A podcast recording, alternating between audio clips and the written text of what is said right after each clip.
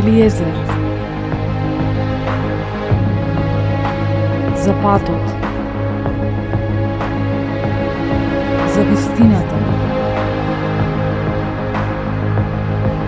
За живот.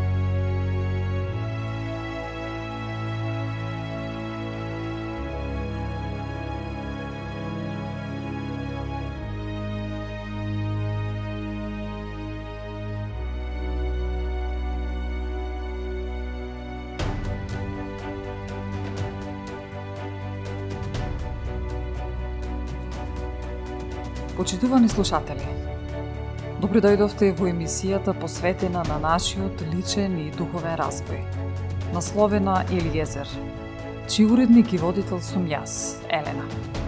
Ова издание го посветувам на моје сведоштво или видение, може би е подобро и така да го дефинирам, кој го преточи во расказ именуван како Бунар. Доколку сте љубопитни, ве оставам да откриете.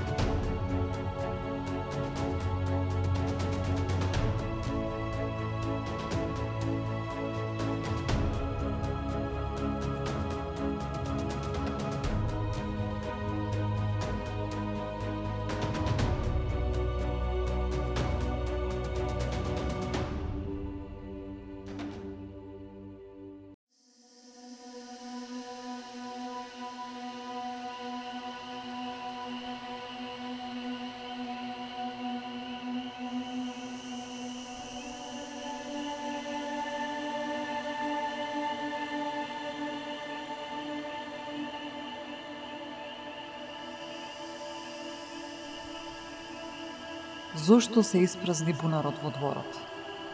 Зарем не беше доволна сушата околу мене?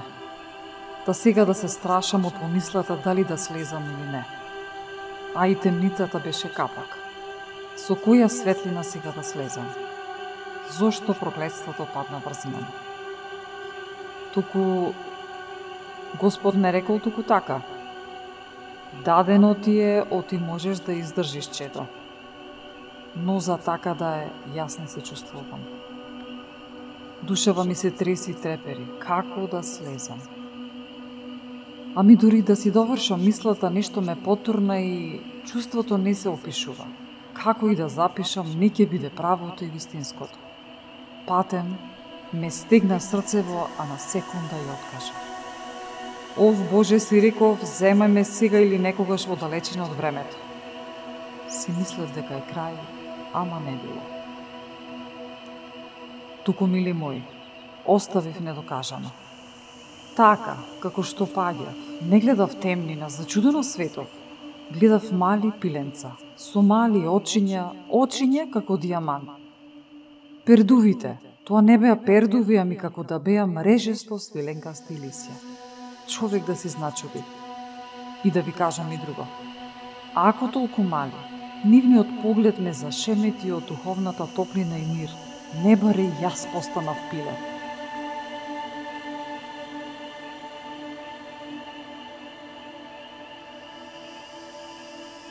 И така, продолжив да паѓам, мама. тоа веќе не беше паѓање, туку како лебдење. Се замислувате ли?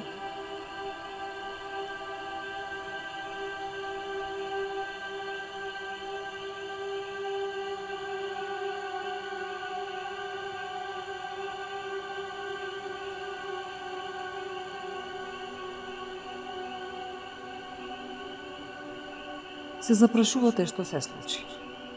Паднав, тоа се случи. Стигнал на дното.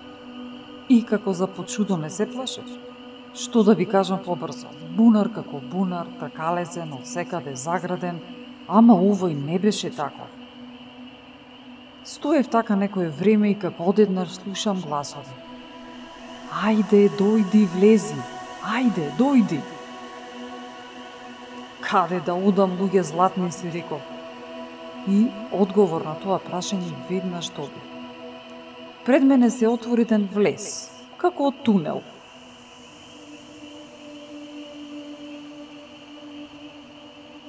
Се скамен. Телово не ми се подмрднуваше. Помина некое време дури да се созем. Гласовите повторно ме повикаа. Ајде, дојди, не чекај, влези! Се погледнав нагоре од сите страни темнина. Се запрашав, какво фајде ќе имам ако не продолжам? Луѓето како велат, угоре, високо, удолу длабоко. И така, тргнав.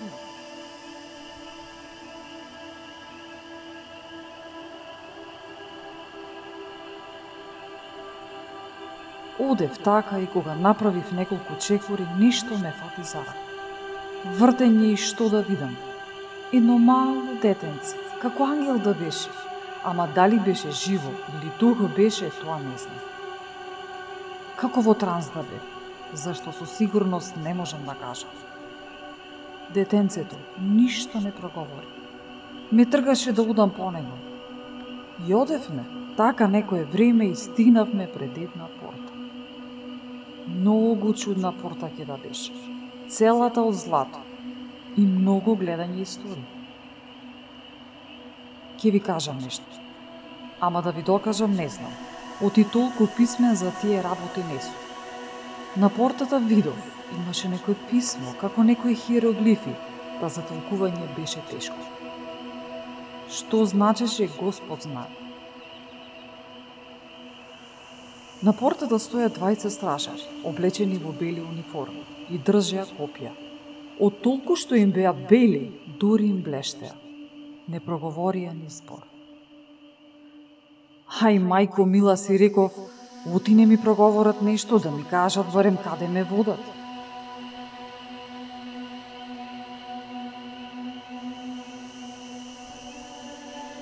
Ја отворија портата. Верувале или не, кога ќе видам што ќе видам. Како рајската градина да ја гледам. Друг да ми кажуваше за ова и да се колнеше, немаше да му верувам. Ке да е можно или не, та јас паднав бунар, длабоко под земја треба да сумане на небо,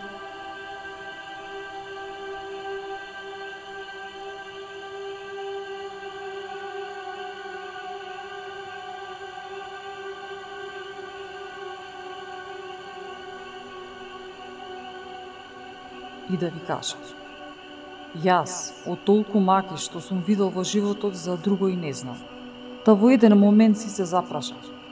А бре, јас умрен да не сум? Мисле, мислев и викнав. Не сум, како сум можел да бидам с краја да е. И насред мисла, пак ме прекина гласот. Ти, човече, што стоиш таму, приближи се детенцето ангелче, така си го нареков. Го тргна своето раче, нижно ме погледна и ми рече, ајде, луди. Пред мене луѓе златни и Божја убавина. До тогаш не сум видел така. Сте го замислувале ли рајот?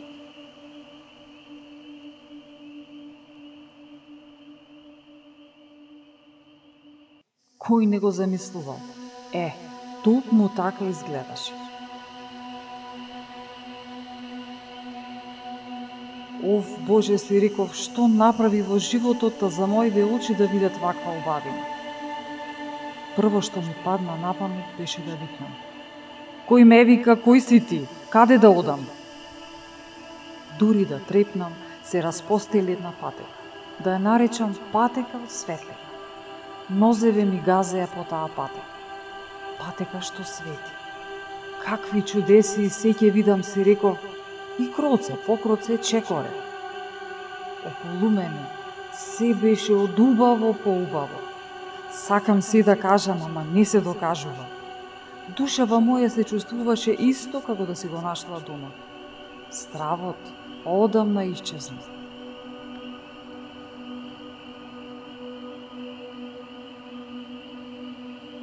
Што место ќе беше ова, си реков, душава ќе ми излези од толку што се радува.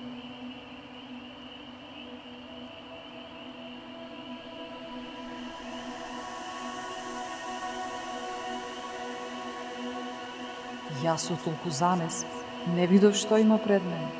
Тоа беше едно големо здание, личеше како манастир, ама монаси луѓе немаше. Поточно кажано, жива душа немаше. Таман што се спремив да влезам, некој проговори. Човече, пред да влезеш, собо ги чевлите. Така во Божија куќа не се влегува. И во секунда застана. Ги совов чевлите, се поднаместив, та дотогаш не се ни сетив како изгледам. Си ја стросав разбушавената коса и лиштето што го носев и така влегов. Откако влегов, дури тогаш дознав дека сум влегов во Божија. Внатре беше право светилиште. Јас сум одел по цркви манастири, ама вакво нешто не сум видел. Се што беше внатре беше совршено. Се гледаше дека човечка рака не е фатена. Само Господ може да направи такви чудеси. Во средината имаше олтар и погледот право ми отиде кон еден раскошен стол на кој седеше еден старец. Лицето му беше многу сериозно. Само што го видов, ми се пресекла нозете и паднав ничком на колено. Човече, ти за што дојде овде? Што мака имаш? Секој овде не доаѓа. Старецот проговори. Пред да ти одговорам да те прашам, ти Божи човек си, нели? Да те викам така ќе може? Прашав оплашено. Нема да ти кажам кој сум. Човек не сум, а мај. Пожелба нека ти е. Викај ме така. Та јас не дојдов по моја волја Божи човек. Стоев замислен покрај бунарот и едно време нешто ме турна и Знам, знам за тоа како дојде. Ама овде така не се доаѓа. Кажи што имаш за кажување. Старецот не стави во мисла. Е зашто дојдов? И самиот не знам. Душата ти знае, човече, ако ти не знаеш. Таа бараше тука да дојдеш. Да те запрашам, чедо. Ти многу гревови имаш направено. Кажи. Ами, Нема многу Божи човеку. На никого лошо не сум умислил, сеарно. Кој да ме викнал на помош, сум му помагал. Барем јас така тумачам. А дали сум во право, ти кажи. Та што ме прашуваш, изгледа и знаеш. Во право си за тоа дека знам. Ама, во криво си за тоа дека немаш многу гребови. Слушни ме, ништо да ти кажам. Сите луѓе истото го кажуваат, не само ти, иако овде мина не дошле. Тако и се тие толку многу гревови Божи човек. Јас само добро правам, а другите со зло ми враќаат. Па и така не може вечно, јас сум гревота. И јас сакам некој добрина да ми стори. Та дури трпев, трпев, па повеќе не се трпев. Едно време многу верува во добрина, ама се било попусто. А бре, јас сум само човек, не сум како тебе, светец. Човече, знам што говориш. Лоша душа немаш. Не си оставил дјаволот да ти ја затуре душата. И затоа си тука. Не си тука без причина. Туку да те прашам друго. Ти, му се молиш на Бога? Бараш ли помош од Него? Му веруваш ли? Не запрашаш. Се молам Божи човеку, како не и за верување.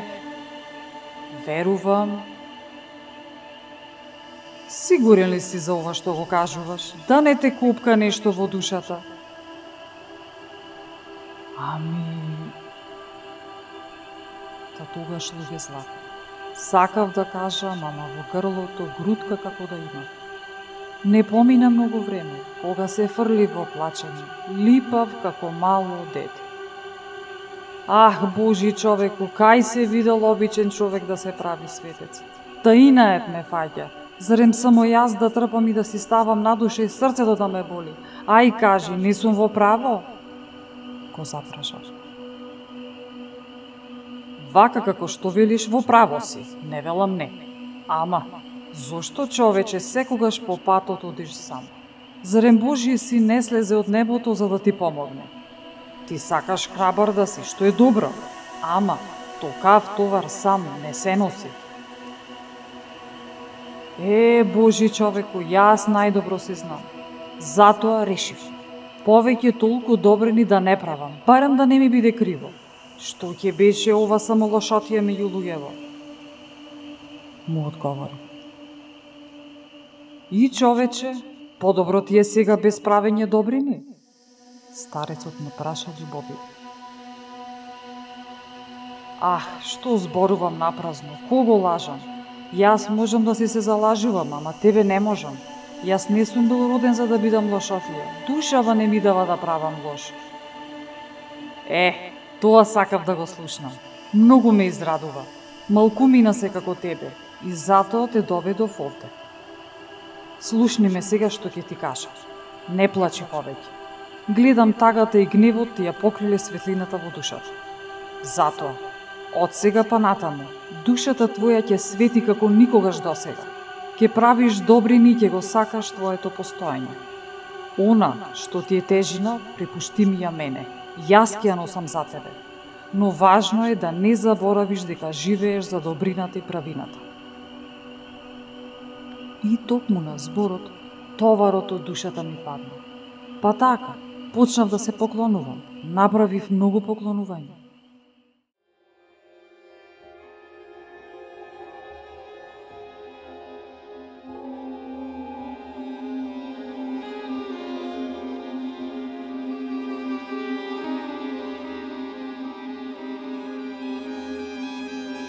и на поклонување нешто помина покрај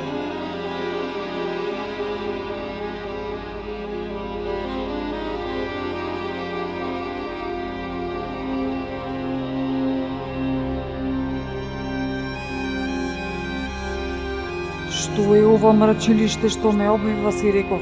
Што се случува? Кога гледам, црни сенки се движат околу мене. И почнам да викам, Господе, помагај! И старецот проговори. Ах, луѓе слабове! Човече, што ти реков пред малку? Зарем се уште не ми веруваш? Во тој момент, старецот стана од својот стол и ме допре на рама. Сенките се уште се движеа околу, кога ме допре повторно го почувствував тој внатрешен мир. Човече, зошто се плашиш? Гледаш дека не ни прават ништо. Да знаеш, дека ова се лошите души кои талкаат и влегуваат во луѓето, па затоа и луѓето се лоши. Не дозволувај да влезат и во тебе, а тоа е возможно само ако веруваш во мене, бидејќи доброто е секогаш посилно од злото. Кога ги изговори тие зборови, добив толкава сила што не знаев што да правам. Но решив. Застанав цврсто на нози и реков: Верувам во тебе. Сенките исчезна. А до мене луѓе златни се појави на ангел. Па потоа уште еден, и така се појавија безброј ангели. Дури ушиве како да почнаа да слушаат некаква музика. Од толкава возбуда, не знам зошто, почнав да ја кажувам молитвата. Кажував, кажував и кога стигнав при крај, очиве ми се затвори.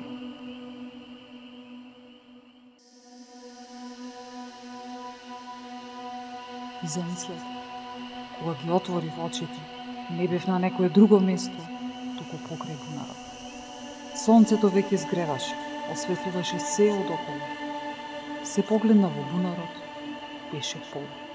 А во водата, во водата се осликуваше мојот одраз, кој на изглед ист, но во душата многу поразличен.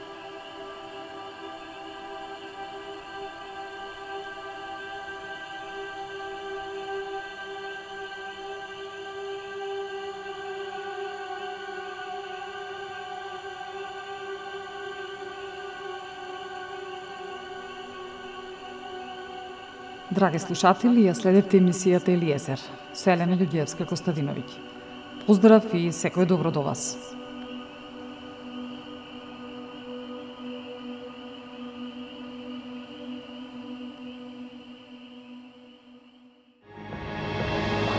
Елиезер